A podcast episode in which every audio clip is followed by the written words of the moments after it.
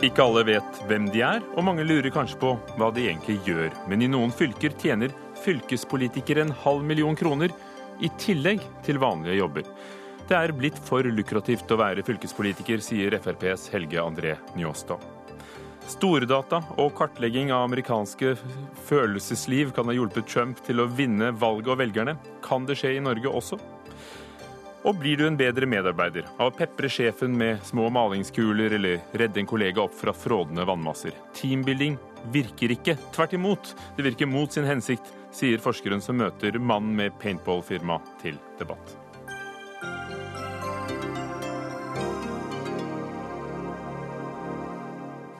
Og sanksjoner fungerer ikke, vi må snu vår Nord-Korea-politikk, mener en av Norges fremste Korea-eksperter. Hva sier lederen av Stortingets utenrikskomité? Vi spør henne senere i Dagsnytt 18, i dag med Ugo Fermarello i studio.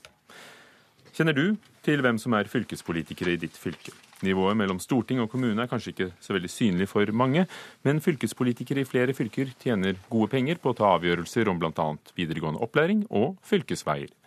En gjennomgang Aftenposten har gjort, viser at landets fylkespolitikere i snitt tjener 360 000 kroner i året, og forskjellene mellom fylkene er store. I Rogaland tjener en fylkespolitiker i snitt 498 000.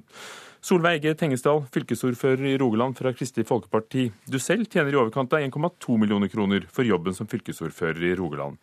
Hva er det du gjør som gjør at du fortjener det som statistisk sett er en høy lønn i Norge? Ja, Det får gjerne andre bedømme om jeg fortjener den lønnen som nå ligger til fylkesordfører. Men ja, jeg eh, ser jo at vi blir utfordra i forhold til dette. Det er klart at uh, Når vi ligger over gjennomsnittet, så er det jo grunn for oss å gå se på om vi, om vi, ligger for høyt. Så vi får ta en kikk på det. Men ellers så tenker jeg jo at um, vi har jo et ansvar som politikere, enten vi er lokalpolitikere eller fylkespolitikere, i forhold til de oppgavene som vi blir pålagt å ta et ansvar for. Eh, så jeg tenker at eh, vi i hvert fall eh, må passe på at vi leverer gode tjenester, og at vi tar det ansvaret vi skal som politikere. Mener du at lønnen er riktig der den er i dag for dere? Nei, altså jeg, jeg, ser jo at vi blir utfordra på, på, det. Jeg ser jo at um, her reflekterer det nok kanskje langt på vei det lønnsnivået som vi har hatt over lengre tid i Rogaland. Eh, samtidig så, så det, skal det jo sånn sett stå i forhold til de oppgavene og det ansvaret vi har.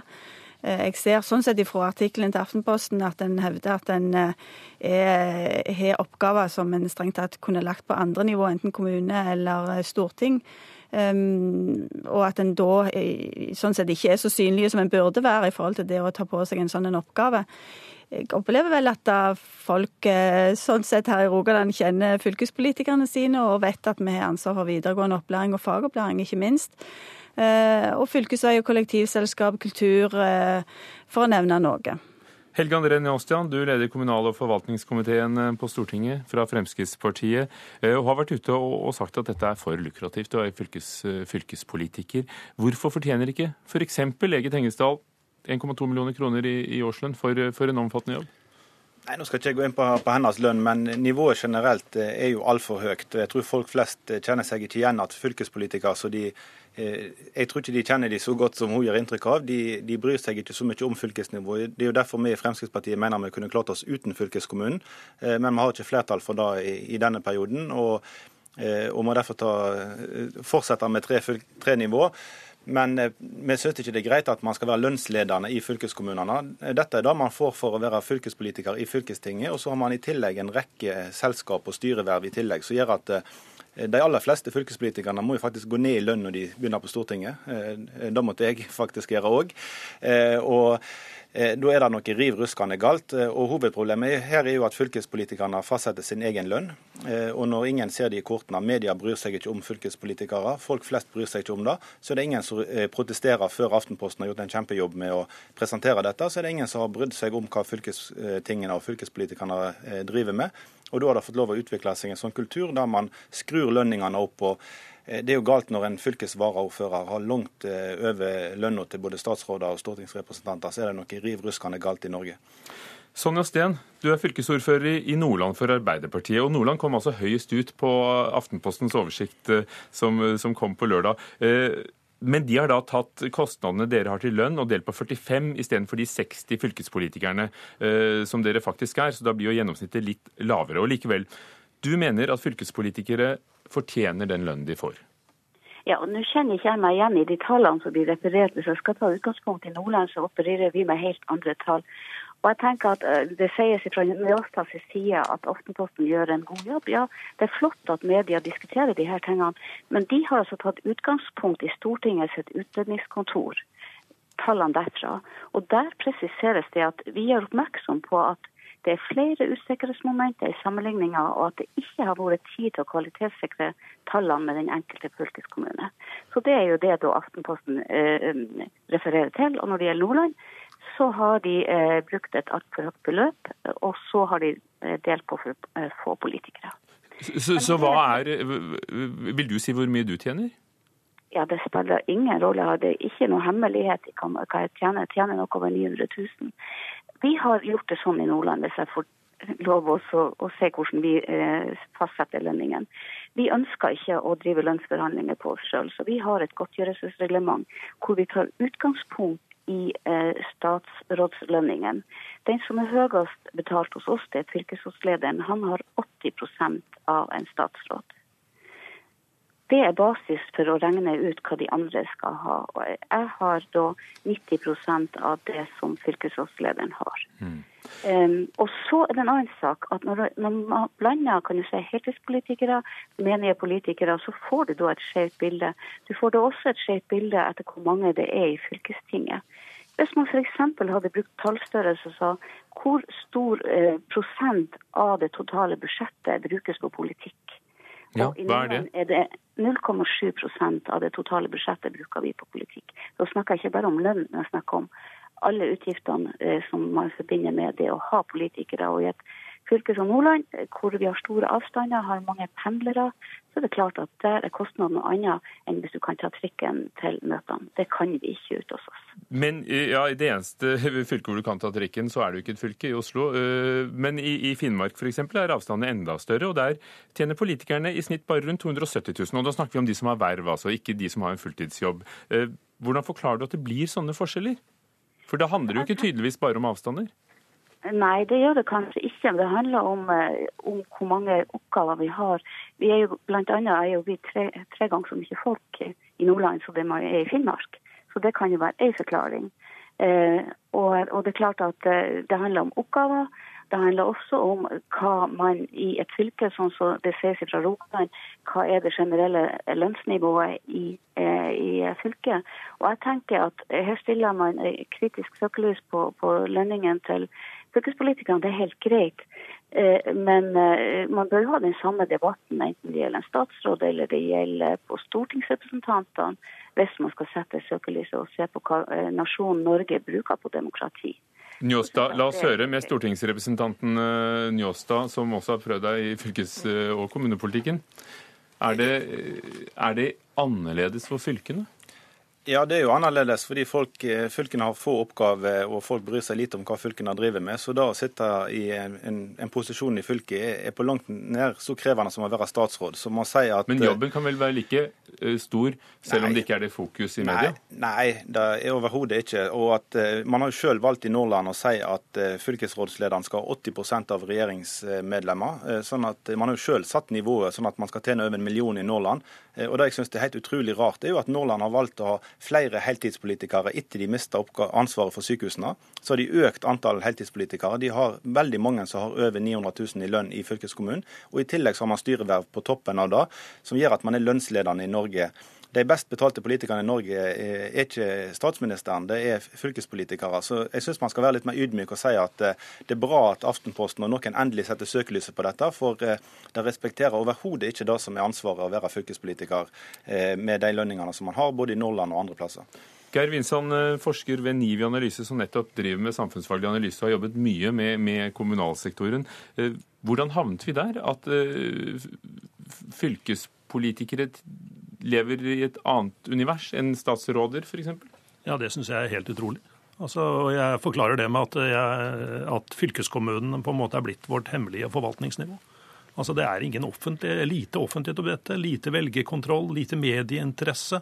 De lever veldig mye sitt eget liv med sine oppgaver. Uh, og dette er, noe, dette er jo ikke en ny nyhet. altså Den er jo, det er jo stadig vært debatt om honorar og, og godtgjørelser til fylkespolitikere. Men det vi ikke klarer i Norge, det er å gjennomføre en skikkelig debatt om fylkeskommunens funksjonsmåte. Vi, har, vi, evaluerer ikke fylkeskommunen før vi går til en stor regionreform, og det mener jeg er kritikkverdig. Dette burde vært eh, gransket og lagt på bordet, og det burde vært gjennomført en skikkelig evaluering av fylkeskommunen. Nordland fylkeskommune ville bøye å settes under lupen, fra A til Å. Det er krise i kommuneforvaltningen i Nordland. Og vi har en fylkeskommune i Nordland som, er, som framstår som ganske svulstig, vil jeg si. organisatorisk Men, men, kan du se at det er mye, mye jobb der? Du skal, du skal, få ordet, Sonja Sen, du skal få ordet, men Vinsand, kan du se at det er mye jobb der som kanskje ikke er synlig? Ja, det er det. De har sine hardt arbeidende politikere, det tviler jeg ikke på. Men det er bare det at en jevne fylkestingsrepresentant som deltar på kanskje fire til åtte møter i året i fylkestinget, at de skal ha hundretusener i godtgjørelse, at de sammenligner seg ikke med kommunene, men med statsråder og med den sentrale forvaltning, det finner jeg rart. Sonja Steen, er dere blitt det hemmelige forvaltningsnivået? Nei, og jeg må også få lov å arrestere for det. Hvis vi skal ha en sånn debatt, så bør vi i alle fall operere med reelle, ordentlige tall. Det er altså sånn at En menig fylkespolitiker i Nordland har én en eneste fast godtgjørelse. Det er rundt 7000 kroner som man har for å holde, eh, holde seg med, med mobiltelefon, linje og alt det der. der. Det er den eneste faste godtgjørelsen vi har. Hvor mange vet har dere i året, da? Så har vi fem eh, samlinger. Hver samling er på mellom tre og en halv og, og fire og en halv dag. Vi starter på søndag, er ferdig enten på onsdag eller torsdag. Eh, så eh, har man variable kostnader. Man har en møtegodtgjørelse, og så har man tapt arbeidsfortjeneste. Hvis at vi summerer alt det her, så vil en men, og jeg understreker en menig fylkestingspolitiker maks eh, kunne ha en godtgjøring på eh, rundt 110 000-115 000 kroner i året. Så det er det de får, de som ikke har det som fulltidsjobb? Mellom 110 000 og 115 000 kroner i, ja. eh, i, i, Nordland. Hos dere i eh, Rogaland, Solveig Tengesdal, så eh, tjener fylkespolitikere i snitt, igjen ifølge Aftenposten, 498 000 er det en god pekepinn? Stemmer det tallet? Altså, det var godt jeg slapp til nå. Det er vanskelig ja. å komme og vise at jeg vil si noe. I forhold til godtgjørelse hos oss, så er det sånn at vi har, med utgangspunkt i NB, så er det 75 av regjeringsmedlemmene sin godtgjørelse. og Det tilsvarer fylkesvaraordførers lønn, altså NB. Og så er det sånn at er du i fylkestinget, så har du 0,05 B for å sitte i fylkestinget.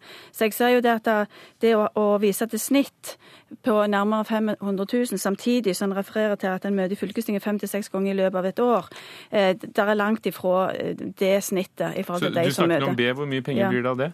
Ja, Nå har vi lagt til grunn at en eh, eh, fylkesordfører har en godtgjørelse på 1,25 B, og det er 1,2 millioner. Men til det større spørsmålet. Er det riktig at dere skal fastsette lønn selv? Bør, kunne du vært åpen for at det skulle vært noen nasjonale uh, standarder, all den stund vi, vi, fortsatt har et fylkesnivå? Jo, men jeg, altså, det, dette er jo litt sånn at vi, jeg tror vi er flere av oss kan møte hverandre i døra. For det, at, det er jo sånn at det som handler om eh, folkevalgtes arbeidsvilkår, det diskuteres jo i full offentlighet. Så dette er jo ikke noe sak unntatt offentlighet. Så Det betyr at hvem som helst kan gå inn og se både hvordan det diskuteres og hva som foreligger av, av honorarer. Og så må jeg jo si si det at det som er spesielt Jeg tenker vi skal gå inn i dette nå og sjekke i forhold til hvordan vi ligger an i forhold til andre, og se om, om vi bør gjøre noen justeringer, vi òg. Men samtidig så er vi midt i en regiondebatt og en regionreform. Og det å bruke denne saken mot eh, fylkespolitikerne, det syns jeg egentlig ikke er en veldig grei sak. Og vi er mange som jobbet for å få til en større region. Eh, og da var vi opptatt av å flytte oppgaver fra et statlig nivå til et regionalt folkevalgt nivå. Jeg synes ikke vi er usynlige, men det er klart at når en på, eh, fra enkelte partier snakker ned det regionale nivået, som en nå faktisk gjør, og, og er opptatt av å gjøre det usynlig, eh, så er jeg veldig kritisk til den måten en, en framstiller dette på. Njåstad, all den stund dere vil lansere regioner med flere oppgaver, selv om dere ikke er helt konkret på hva det skal være, er det ikke nettopp viktig å ha en lønn som gjør det attraktivt å, å være der på det som kanskje er en litt utakknemlig jobb, for den er ikke så synlig?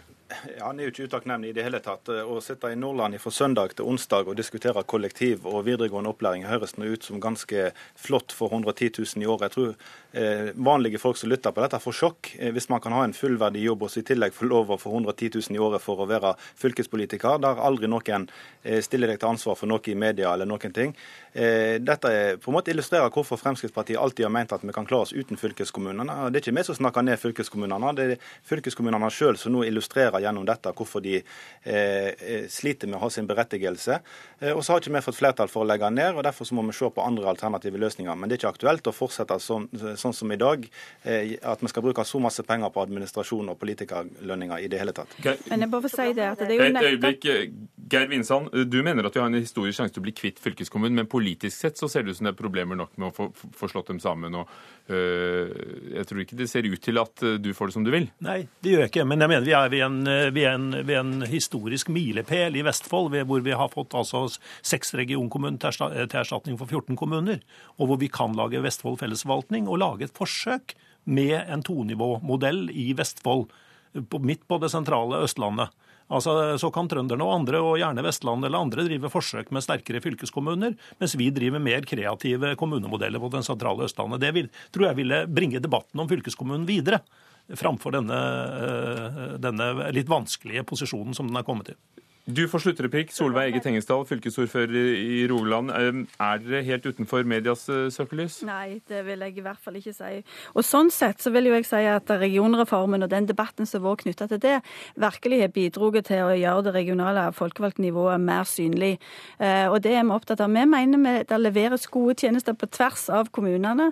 Enten det er videregående skole, det er fylkesvei, det er kollektive løsninger. Det er viktig å se ting i større sammenheng. Det er noen av de oppgavene nå nå nevnte de viktigste. Tannhelse har vi i tillegg. Og det er andre gode oppgaver som er viktige at eh, noen har et syn for og har et fokus på òg framover. Og vi har hatt fokus på fylkeskommunen nå. Takk skal dere ha, alle sammen. Solveig Egge Tengesdal, fylkesordfører i Rogaland. Sonja Steen, fylkesordfører i Nordland. Helge André Njåstad, leder av kommunalkomiteen på Stortinget. Og Geir Vinsand, forsker fra NIVI Analyse. Dagsnytt 18 alle hverdager kl 18.00 på NRK P2 og NRK2.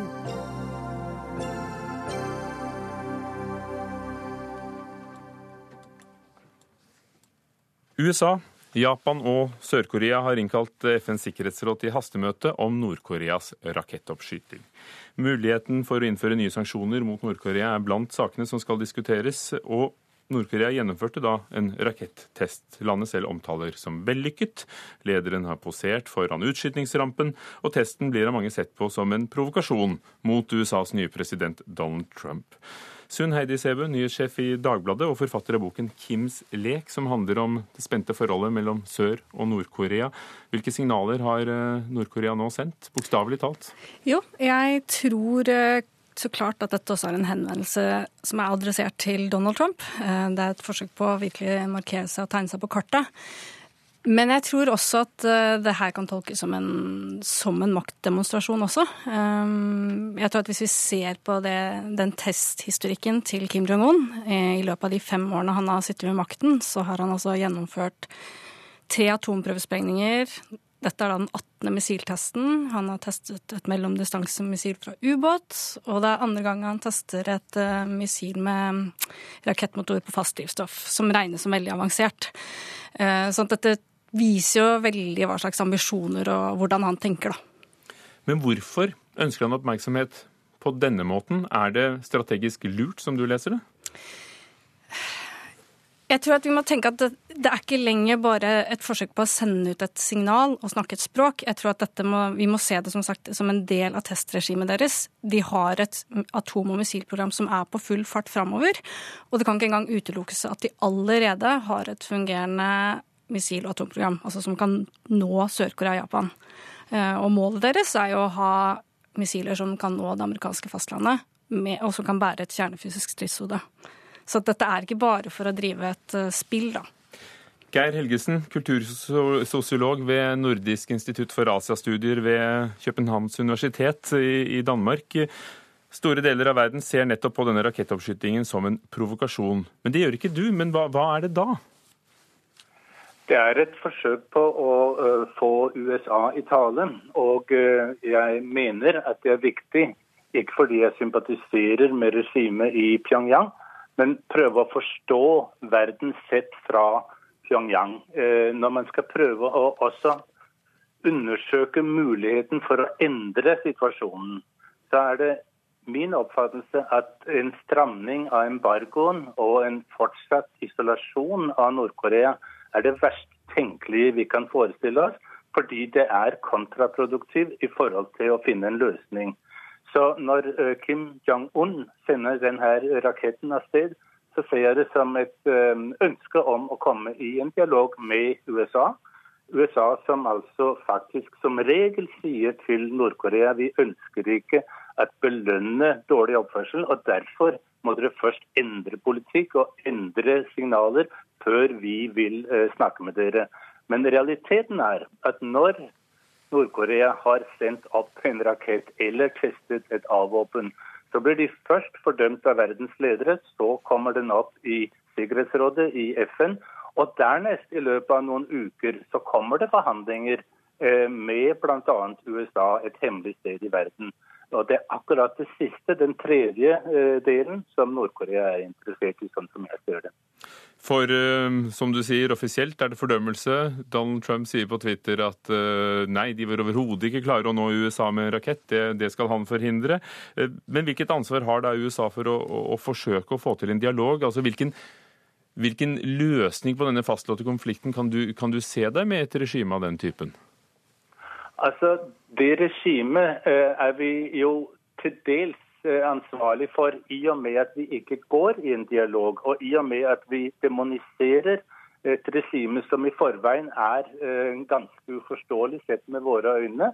Men, men vi må også huske at USA, Sør-Korea og Japan årlig har en enorm stor militærmanøvre utenfor kystene til Nord-Korea. Og uansett hvor dårlig og elendig det regimet er, så er det et regimes hva skal man si, uh, natur å forsøke å overleve.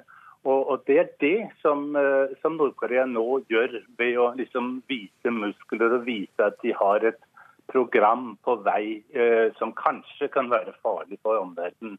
Men alle vet jo at Nord-Korea er et lite, fattig og isolert land med en farlig ledelse. Så svaret kan ikke være, etter min vurdering, at vi fortsetter embargo og fortsetter isolasjon og fortsetter fordømmelse, men går i en dialog. Og det er faktisk Nord-Korea som ber om en dialog om kan vi ikke snakke om avslutningen på Koreakrigen, som ble avsluttet i 1953 med en våpenhvile. Og Nord-Korea sier vi bør forhandle om en fredsavtale mellom krigens partnere. Og Det blir altså avvist av USA, Sør-Korea og Japan. Anniken Huitfeldt, leder i utenriks- og forsvarskomiteen. Er vi med på å demonisere regimet og forhindre en eh, nødvendig dialog, en, en avslutning på Koreakrigen, som vi hørte? Nord-Korea har jo brutt gjentatte vedtak i FNs sikkerhetsråd. Dette ser jeg først og fremst på som en provokasjon det er viktig å få eh, dialog, og det har det vært også tidligere i dette området, hvor bl.a. Sør-Korea har spilt en rolle. Men det som er viktig for å ikke øke spenningen, er jo å få med Kina, få med Sør-Korea, Japan, USA og Russland eh, på, på, samtaler. Men å ikke reagere, det mener jeg vil være galt sett i forhold til de gjentatte brudd på sikkerhetsrådsresolusjoner som Nord-Korea eh, har foretatt. Og det er jo klart at Dette er en sikkerhetsutfordring for USA. Det er en trussel. Og det må også reageres deretter. Men jeg legger merke til at Trump-administrasjonen nå kanskje ikke har eh, agert så provoserende som de har gjort i en del andre spørsmål. Slik at dette er en utfordring som Obama sa at du kommer til å få i fanget, og som han nå må løse. Bør Vesten få til en, en fredsavtale? Altså sette en stopper for Koreakrigen, hvis det ligger i, i grunn, at det kunne gjøre forholdene lettere? Så vi må få til eh, samtaler mellom partene. Det har det vært tidligere, det har vi all mulig interesse av. Men det er ikke slik at provokasjoner skal belønnes. Det å drive atomprøvesprengninger skal belønnes. Det å skyte raketter. Det er veldig korte avstander i denne regionen. altså eh, Nord-Korea Sør-Korea de ligger veldig tett. Hovedstaden i Sør-Korea ligger veldig tett på Nord-Korea. slik at det er klart at folk folk opplever dette som en enorm trussel. Og vi kan ikke fra verdenssamfunnet heller belønne dette. Sunn Heidi Sæbø, um, er Nord-Korea en slyngelstat, eller er det en stat verden faktisk kan gå i dialog med og, og stole på? For å si så, så forstår jeg godt at verdenssamfunnet er litt skeptisk til Nord-Korea. Um, de har hatt mange sjanser. Um, de, det var Altså man hadde den første atomkrisen på 90-tallet, hvor de eh, ikke forholdt seg til ikkespredningsavtalen. Um, hvor de fikk en avtale med USA hvor de bl.a. fikk 500 000 rå, eh, tonn rå olje eh, og, og, fikk penger fra, fra omverdenen. Um, da svarte de med å utvikle et uranbasert kjerneprogram. De gikk, gikk riktignok med på å sprenge kjøletårnet i Yongbyan i 2007, men tre år senere så hadde de da bygd ut Yongbyon. Eh, atomanlegget eh, med topp moderne anrikingsanlegg. Sånn at jeg skjønner at dette Det er ikke et land som innbyr til tillit. Eh, men det jeg tror, hvis man skal få til samtaler med Nord-Korea, så tror jeg man må endre innstillingen sin. Nord-Korea sitter med ganske sterke hånd på korta nå i forhold til at de nå er ganske nært ved å utvikle et fungerende missiler- og atomprogram. Um, og jeg husker da jeg var i Nord-Korea og vi snakket om sekspartssamtalene som havarerte i 2009, og da beskrev de det som uh, Det føles som uh, fem voksne som sitter og snakker til et barn uh, rundt bordet. Og jeg tenker at akkurat der må vi kanskje innse at selv om vi ikke liker det, så har den bosettingen endra seg, da. Og hvem var de seks partene, bortsett fra nord og sør? Det er Kina, Russland, Japan osv. Geir Helgesen, er det sånn at Kina og USA har forskjellige interesser i hva som skal skje i Nord-Korea, og derfor så stopper det litt opp? Ja, jeg er redd for det. Og eh, det er veldig viktig å se på hva som skjer i hele regionen, hvor USA altså faktisk oppbygger sine militære stridskrefter og peker på Nord-Korea som årsaken til det. Kineserne er ganske usikre på om det kan være riktig, og jeg har deltatt i forhandlinger hvor kineserne direkte har sagt til USA at vi ikke forstår at dere, at dere peker på Nord-Korea, eh, som ikke kan være en, en trussel verken mot verdensfreden eller, eller mot USA selv, eh, heller ikke mot Sør-Korea og Japan, som ble nevnt tidligere her. fordi man har jo altså faktisk konvensjonelle våpen i Nord-Korea som rekker til Seoul og godt og vel det så vidt jeg vet 14 000 kanoner som peker i den retningen, og det er uhyggelig nok. Og Derfor så er eh, atomvåpen kun et spørsmål om eh, å være en defensiv kraft. Men, men, vi må se på forholdet mellom Kina og USA som en vesentlig eh, del av denne eh, konflikten. Og Hvis nå USA og Sør-Korea oppsetter antimissilforsvar i Sør-Korea, med begrunnelse at, eh, at Nord-Korea er en farlig makt, så vil det sjenere Kina så mye at det vil faktisk opptrappe et, et, et militær kappløp i regionen. Til fare for verdensfreden, for å nå ta litt hardt i. Sunheidi Sebø, de er først og fremst defensive? Ja, men for eh, Sør-Korea og Japan, som jo er i umiddelbar fare for et angrep, så er det ikke sikkert det føles som en veldig god forsikring. Takk skal dere ha, alle sammen. Anniken Huitfeldt, som leder utenrikskomiteen på Stortinget. Geir Helgesen ved Københavns universitet. Og Sunn Heidi Sæbø, nyhetssjef i Dagbladet.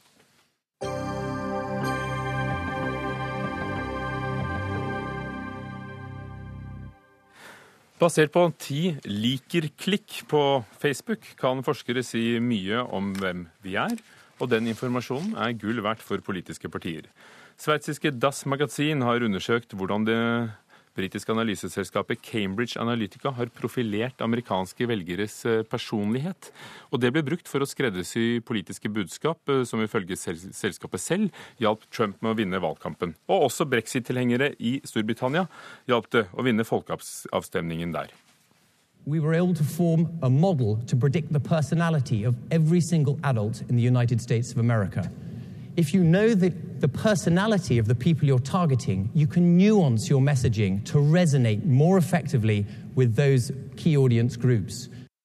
Alexander Nix, eh, sjefen i Cambridge Analytica, påstår altså at de lagde en modell som kunne forutsi personligheten til alle voksne amerikanere, og kjenner du dem du skal nå, personligheten deres, så kan du nyansere budskapet så mye at det, at det slår, treffer dem hjemme. Eirik Solheim, rådgiver i NRK Beta, som nettopp driver med ny teknologi her i huset. Dere har publisert en norsk person av denne artikkelen. Hvordan har det selskapet her, Cambridge Analytica, gått frem? baserer seg på forskning eh, som ble gjort for en del år siden. Det var en forsker som tok for seg to eh, hovedtyper av data. egentlig. Det ene er de litt sånn harmløse dataene. på en måte. Det er hva vi trykker like på på Facebook og, og, og Facebook-profilene våre. Og på den andre side en litt mer grunnleggende psykologisk analyse, som tradisjonelt sett er mye dyrere og tar mye lengre tid å gjennomføre. Og Han klarte å få tak i nok data, altså flere millioner mennesker, hvor han hadde både en psykologisk profil og Facebook-profilen. Og så sammenstiller han dette ved hjelp av eh, forskjellige avanserte dataalgoritmer, og så ser han at ja, da trenger jeg egentlig ikke den eh, store psykologiske testen lenger, for jeg kan si hvem du er rent psykologisk basert bare på Facebook-profilen din. Men det at det fungerer, det er nå hans egen påstand, eller er det etterprøvbart? Det, de har jo de har etterprøvd det eh, og sjekket og sjekket og, og, sett på. og Det er jo ikke sånn at det fungerer 100% men det er sånn fra 60-70 treff til 80 og 90% treff. Litt avhengig av hvor mye data de har på Facebook-siden din, og, og litt hva de leter etter. Og hvordan blir dette til politisk reklame? Eh, det kan brukes eh, ganske effektivt. og Litt sånn som det ble nevnt i det lille innslaget her, at én eh, ting er at markedsføring og påvirkning kan du gjøre hvis du vet noe om mennesker, om de har tenkt å kjøpe bil, og hvor de bor, og hvor mye penger de har og sånn. Men hvis du har den psykologiske profilen, så et eksempel som er brukt i, i denne saken her, er jo våpenlovgivning, f.eks. Så ser de på den psykologiske profilen, så ser de at her er det et menneske som er introvert, eller som er gjerne nervøs, og, og som kan være litt redd. Og da får de en brosjyre hvor det er bilde av et innbrudd, og det er viktig med våpenlovgivningen slik for det at eh, du må kunne forsvare deg. Mens naboen vet de er åpen og litt mer medmenneskelig, får tilfeldigvis en brosjyre hvor det er bilde av far og sønn som er ute på jakt, og vi trenger denne våpenlovgivningen for det er tradisjoner osv. Det er det samme de vil frem til, men de spisser det ut fra psykologisk profil. Og hvis du er mann og trykker på at du liker Wutan Clan-bandet, så er du hetero? Ja, da er du heterofil, og så er det enkelte sminker og sånn. Hvis du trykker på det, så er du sannsynligvis homofil, osv.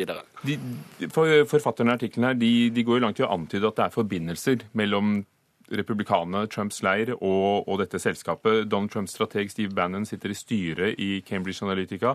Eh, det er en, eh, en, en rik mann som også har aksjer der. Hvilke bånd er det mellom republikanerne og på selskapet? Det, alt det er litt sånt ullent. For det at når man begynner å gå dette selskapet eh, etter i sømmene, så er det en del sånn selskapsstrukturer som er vanskelig å påvise 100% Og hvis du spør dem, så sier de at vi har ikke brukt denne forskningen osv. Så videre. sånn at noe av det er antagelser, og noe er basert på at vi ser at det er såpass tydelig det du har gjort, eh, at, at antageligvis har denne typen forskning vært involvert. Sindre Beyer, eh, rådgiver for eh, Jens Stoltenberg den gangen eh, da han var statsminister, og partner i reklamebyrået Try. Du har jobbet med sosiale medier og mm. politisk kommunikasjon i mange år. Ble du overrasket over hva Cambridge Analytica gjør, og hvordan de gjør det? Jeg ble i hvert fall ikke overrasket over at dette var en viktig metode i den amerikanske valgkampen. Og klart, Vi går jo inn i en tid hvor tolkningen av big data, bruk og målrette budskap mot ulike mennesker kommer til å bli veldig aktuelt kommersielle aktører, organisasjoner og politiske partier. Men jeg tror nok ikke at, vant, at Trump vant valgkampen på dette. Jeg tror er, man, Da må man se på andre underliggende årsaker. Eh, så den type verktøy er sterke. De kan misbrukes. Men det er ikke noe man vinner et valg på alene. Det, det er mer sammensatt enn det. For Clinton eh, og hennes valgkamp brukte jo også lignende analyseselskaper. Eh, var det bare det at dette selskapet nå tar Trump-seieren til inntekt for, for, for, sitt arbeid, eller, eller jobber de så forskjellig?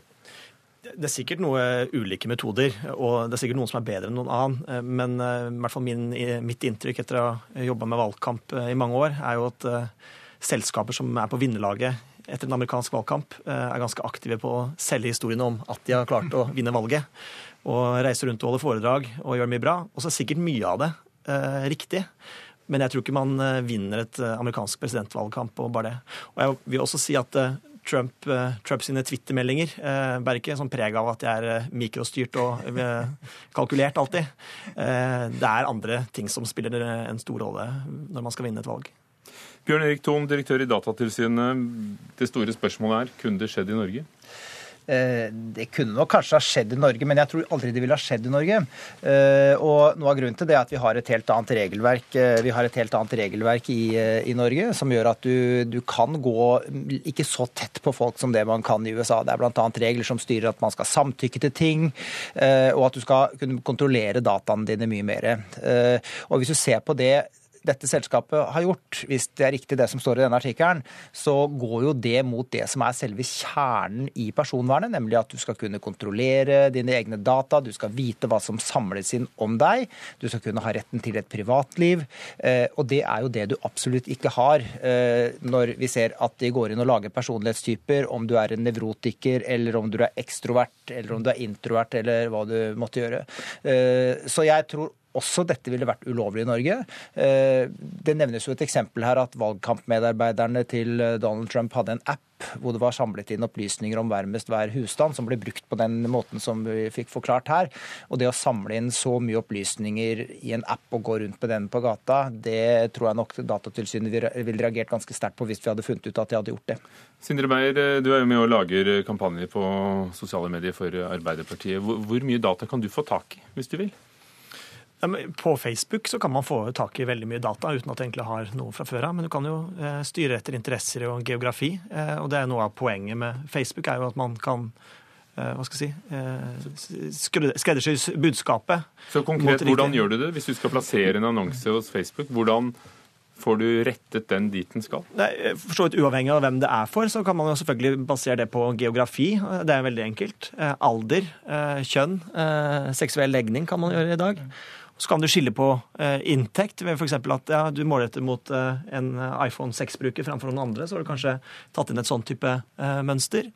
Og hva slags side man eh, liker.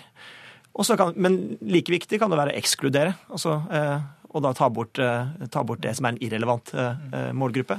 F.eks. hvis man ønsker å selge tjenester som er mot en gruppe som er stort sett er kvinner, så kan man ekskludere menn. Ja.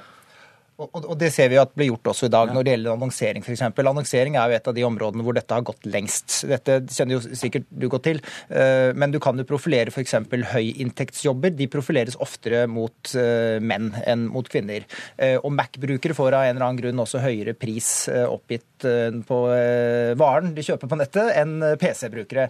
Det er villig du betale mer, er det teorien bak? Det er vel antageligvis det som at du er mer teknologiinteressert. Så det er, ikke, det er ikke noe vanskelig å lage den type mønster. Det er det laget modeller for for. Men det som gjør dette så spesielt, det er at det går så utrolig tett på folk, og at de kombinerer jo, de kombinerer jo altså psykologi med avansert stordataanalyse. Og det er da du får disse profilene som kan treffe så, så utrolig, utrolig, godt. Eirik Solheim, eh, gi, gi, meg ti klikk, og jeg skal fortelle deg hvem du er. Eh, hvor, hvordan brukte, brukte, de det i valgkampen i, i USA? Nei, det var jo sånn som det ble nevnt her eh, med denne appen hvor de kan gå rundt. For dette her har de tydeligvis eh, et datagrunnlag på et mye mer detaljert nivå enn det vi snakker om i forhold til å annonsere på Facebook, hvor du går ned på enkeltpersoner og eh, i tillegg da går ned på den psykologiske profilen på enkeltpersoner. Og Det er jo det som er spesielt her, når man har kombinert så store datamengder og, og kommet frem med en algoritme som kan si mye mer enn det som Facebook egentlig sier, som er bare hva du har trykket lag på, og så må du anta noe ut fra det. Vet vi hvilken psykologisk modell eh, de legger til grunn for analysene sine? Ikke helt nøyaktig. Altså det denne eh, altså psykometri, som er noe som kalles for Big Five-modellen, som er en sånn standardisering av noe som er ganske vanskelig å standardisere, egentlig, men som mye av dette baserer seg på. Men så er det også forskning som viser at um, situasjonen f.eks. er mye viktigere enn en psykologisk analyse. Sånn at hvis jeg tar det eksempelet med våpen, hvis den um, åpne, hjertelige familien som helst uh, de tenkte skulle få dette her bildet av far og sønn, nettopp hadde blitt utsatt for et stygt innbrudd, så kan det godt hende at de hadde blitt mye mer påvirket av denne her eh, budskapet, det budskapet som sier at du må beskytte deg. For situasjonen trumfer egentlig personligheten. Som kanskje også er noe i USA nå, for det er mange der som er i en situasjon som tilsier at kanskje ikke det bare personligheten som avgjør. Dette gir jo muligheten til å, å, gi et budskap rett hjem til folk. Kanskje det er bra for folk å få det de er interessert i. Men uh, Sindre Beyer, hvor langt ville du gått uh, før du fikk betenkeligheter? Nei, Jeg tror at vi kommer opp med mange etiske problemstillinger uansett ja, de neste årene. eh, Hvor langt man kan gå ned. Og så er Den store forskjellen i, eh, fra oss i USA at eh, de putter inn veldig mange baser inn i dette systemet, som er eh, velgeregistreringer over flere år.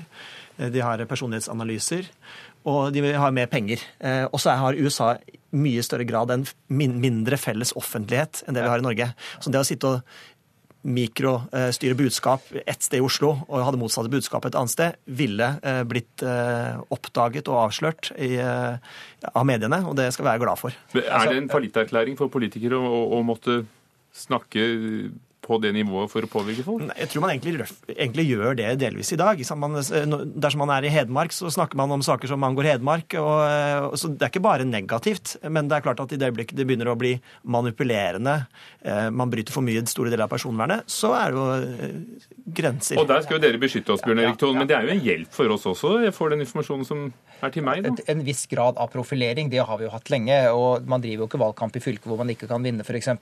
Men jeg synes liksom, prøv å tenke litt hva slags opplysninger et politisk parti som skulle drevet denne formen for, for kampanjer, egentlig ville sitte med. Da ville norske valgkampmedarbeidere gått rundt med en app, hvis vi skal ta det helt ut, med informasjon om en person som bodde i et hus, var homofil eller heterofil, for eller mot abort, mm. og, og, og, den type ting. Og, det, og hva slags synspunkt han eller hun hadde på innvandring. Og det er klart, det, det politiske partiet som går så langt og vet så mye om folk For det første så undergraver det jo liksom alt som heter personvern, som jo er det politikere skal være med på å beskytte. Og jeg tror det ville blitt en politisk skandale hvis et parti hadde blitt tatt for å sitte med den type opplysninger om folk. Ville tapt valget, tror jeg. Ja. Men litt fristende? Nei, jeg tror det er ikke fristende. Jeg tror det er mer effektiv. Jeg tror, for det første tror jeg det ikke er riktig. For det andre så er det mer effektive måter å vinne valgkamper på. Eirik Solheim, er det fremtiden også her? Um, det er nok noe som har kommet for å bli. Og i hendene på dårlige folk så er dette ikke bra, men vi må også huske at i hendene på de som har gode hensikter, så kan dette være viktige verktøy. Og det viktigste for folk der ute er å være klar over dette, sånn at folk der ute er kloke og vet, og ikke redde. Sånn at uh, jo mer vi lærer om dette, og den oppvoksende generasjonen vil sikkert kunne være mindre påvirket av Og hva gode hensikter er, får vi ta en annen gang. Takk skal dere ha. Eirik Solheim fra NRK Beta, Sindre Beyer, rådgiver og partner i reklamebyrået Try, og Bjørn Erik Thon i Datatilsynet.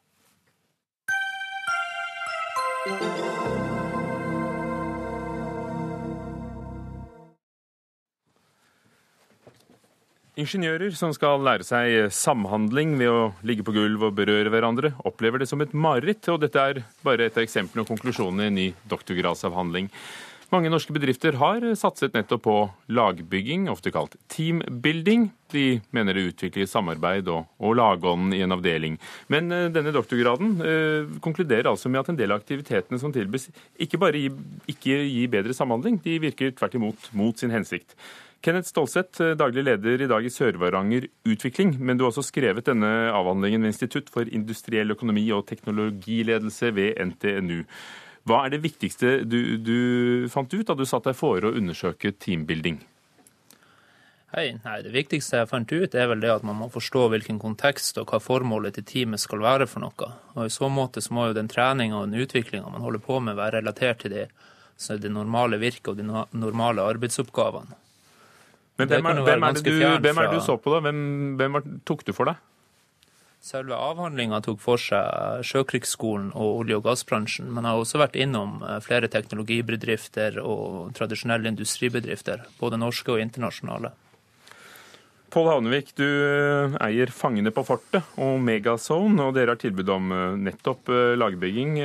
Den typen her som Stålsett sier ikke, ikke fungerer. Men hva, når, når det fungerer på sitt beste, hva er det som virker? Det som virker, er jo å være sammen utenfor kontorets eller arbeidsplassens rammer, og så gjøre noe hyggelig sammen som er sosialt, og løse oppgaver i lag. Altså i samarbeid med hverandre. Og Da kan det være ting som skiller seg litt fra hverdagen. Hvis du f.eks. er regnskapsfører, at man kan gjøre noe som har med andre tankeoppgaver å gjøre, eller balanse eller lignende. Det det som jeg kan være enig i, er hvis man skal dra folk veldig langt og, gjøre ekstreme ting, som at du får kontordamen til å hoppe basehopping, så kan jeg skjønne at det kanskje ikke gagner alle, og at ikke det bedrer et miljø. Men det å være sosial sammen på et sted utenfor arbeidsplassen, det, det fungerer. Stålsett, kan du fortelle om, om episoder som virkelig ikke fungerer? Ja, vi har jo det eksempelet med hun dama som var med på rappellering og ble heia frem av resten av arbeidsplassen, men hun nekta sjøl.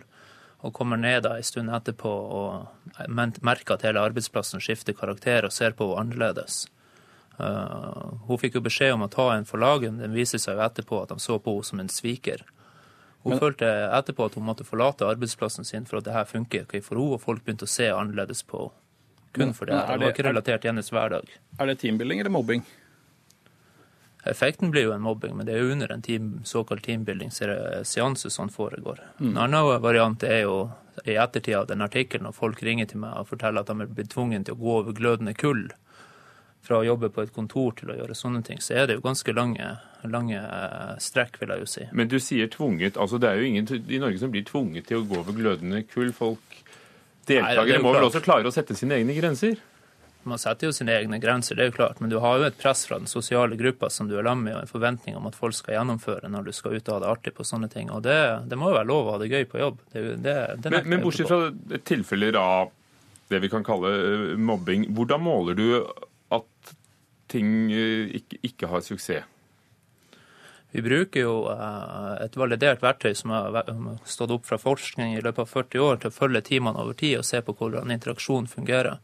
I tillegg så bruker vi helt nymotens datateknologi med i form av sensorteknologi, hvor vi ser på hvordan atferd er i gruppene.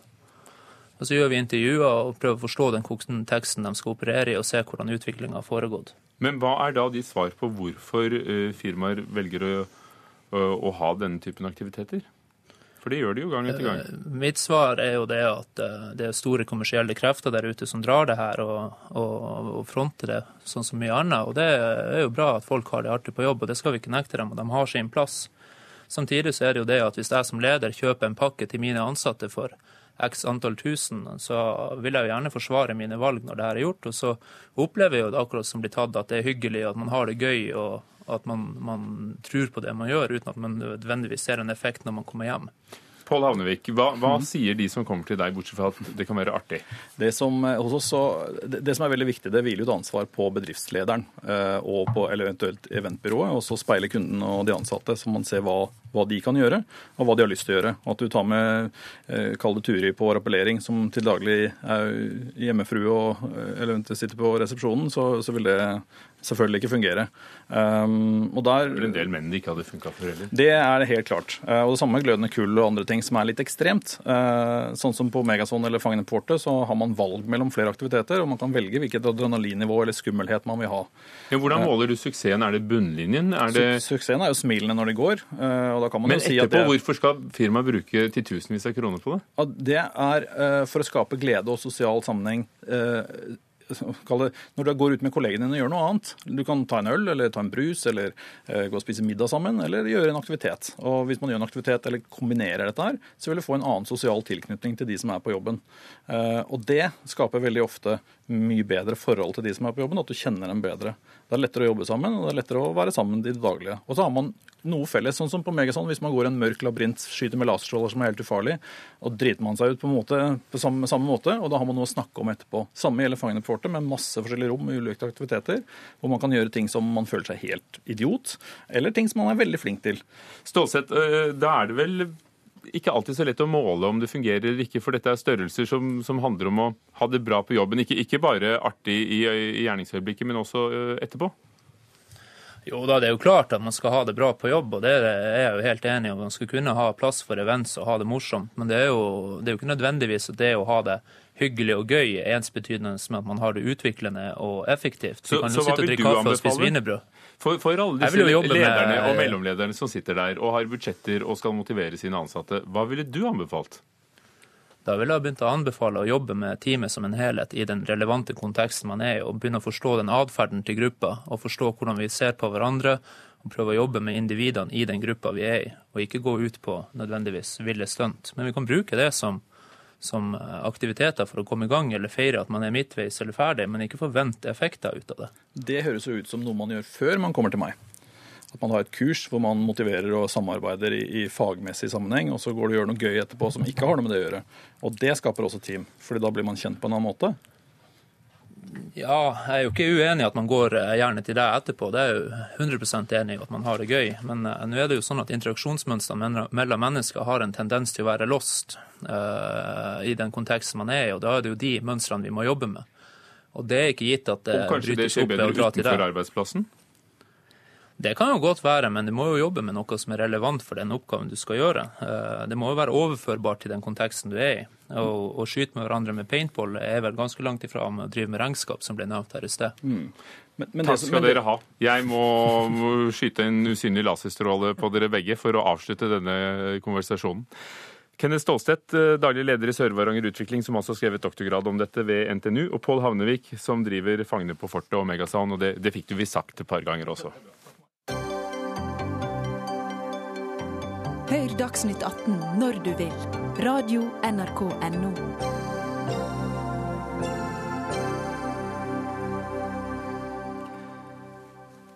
Arbeiderpartiet skaper usikkerhet om fraværsgrenseordningen ved å vingle for mye, sier Høyre. Og det handler altså om videregående skole. Først var partiet for, så var Arbeiderpartiet mot, og til slutt fikk ordningen flertall i utdanningskomiteen på Stortinget, eh, og flere partier ble enige om en prøveordning om en fraværsgrense. Og nå går Arbeiderpartiet inn i sitt program for å bli kvitt hele ordningen. Trond Giske, nestleder i Arbeiderpartiet og leder i kirke-, utdannings- og forskningskomiteen. Har dere vinglet? Nei, vi har ikke det, men vi har hele tida vært kritisk til måten Høyre har utforma dette regelverket på, og det har vi jo ikke vært eh, alene om. De første par rundene som eh, Høyre prøvde seg, fikk de jo et samla Skole-Norge og en samla opposisjon i Stortinget mot seg. Det var faktisk bare Fremskrittspartiet som var enig med Høyre i hvordan dette skulle se ut. Så har man etter hvert eh, landa på noe som faktisk var gjennomførbart. Og så sier vi at vi vil framskynde evalueringa av den nye ordninga til høsten istedenfor å vente i tre år som Høyre vil. Vi vil beholde et nasjonalt regelverk, men vi vil rette på de svakhetene som er, og beholde det som er bra. Det er det vi sier i programmet vårt. Henrik Asheim, stortingsrepresentant fra Høyre, har de, har de vinglet? Ja, det har de. Eh, de gikk til valg i 2013 på å innføre en slik fraværsgrense. Trond Giske argumenterer godt for en sånn grense også i boken han har skrevet. Eh, men så var de da mot plutselig, og så ble de med på eh, å innføre det i Stortinget. Og nå går de til valg på et program som skal fjerne det samme regelverket som ble innført i august. Og det rare med det også er at vi nå får rapporter fra hele landet om at fraværet i videregående skole går kraftig ned etter at regelen ble innført. Og det er sånn at når vi nå som politikere i august innførte et fraværsreglement som har fått lov til å virke virke i et halvt års tid.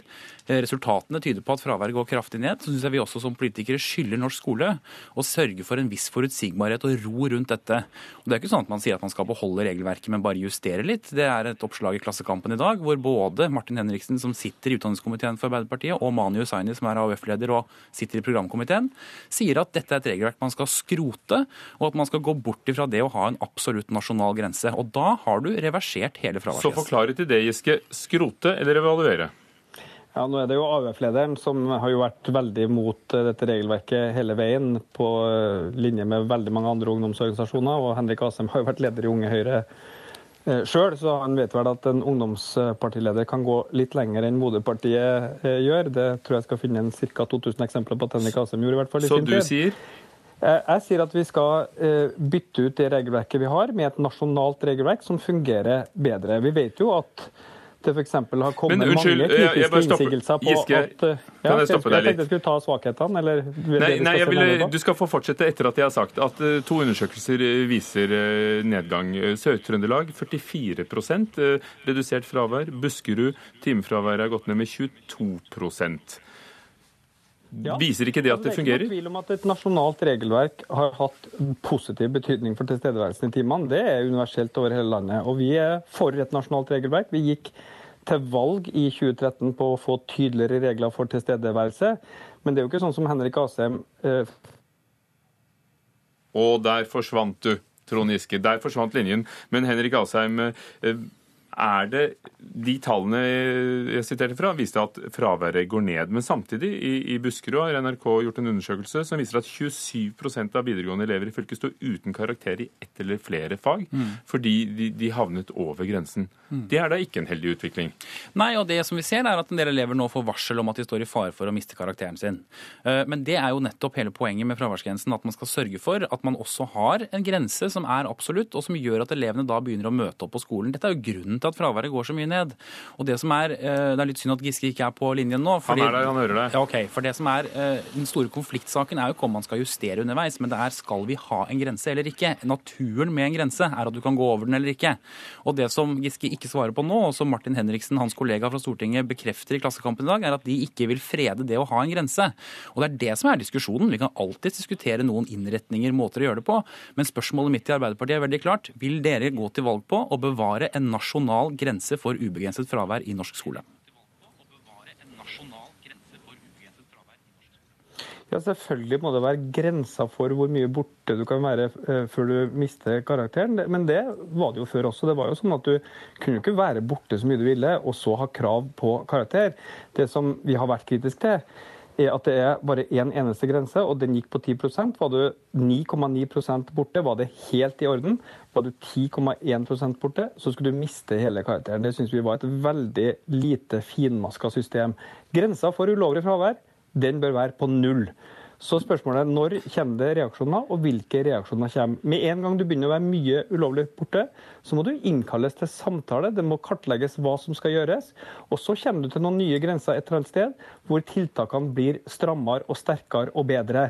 Og det er her det blir så unyansert. Og det som fort skjer nå utover våren, er jo at en del av dem som har mye fravær, detter helt ut. For det finnes ingen skjønnsmulighet på skolene til å hjelpe folk inn i systemet igjen. Giske, ja, dere var jo med da dere stemte. Jeg avbryter deg litt og kjører på, jeg, fordi denne forsinkelsen er veldig ja. lang på linjen, så, så, du får tåle det. Eh, Giske, da dere var med og støttet forslaget, så fikk dere jo modifisert det. Forandret det sånn at det er et rom for skjønn.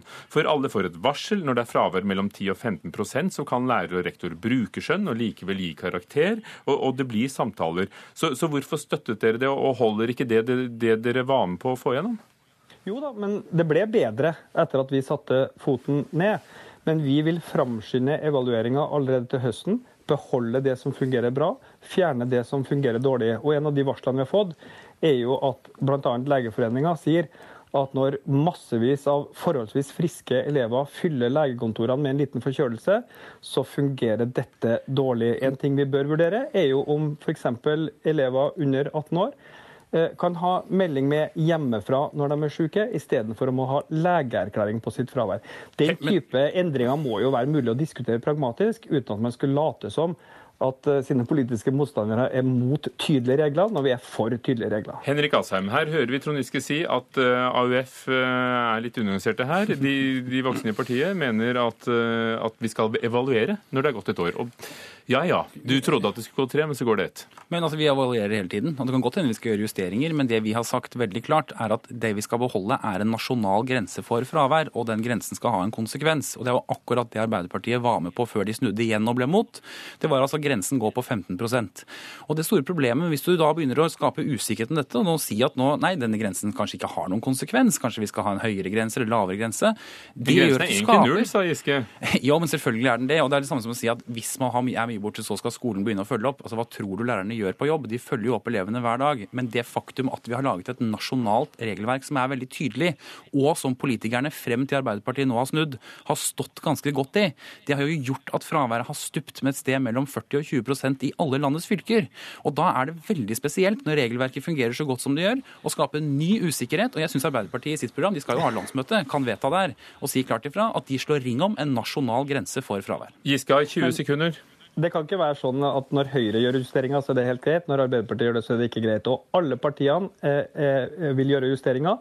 Dine samarbeidspartier, KrF og Venstre, vil sågar gjøre endringene umiddelbart i Stortinget. Vi vil ha en evaluering, og så skal vi ta vare på det som er bra. Det kan ikke være så verst. Eh, Henrik Asheim. Stor forskjell på å justere et regelverk og reversere og skrote hele regelverket, ja, som dere nå sier dere skal gjøre. Takk skal dere ha, begge to. Vi må, vi må justere dette til å nærme seg en avslutning. Henrik Asheim fra Høyre, Trond Giske fra Arbeiderpartiet.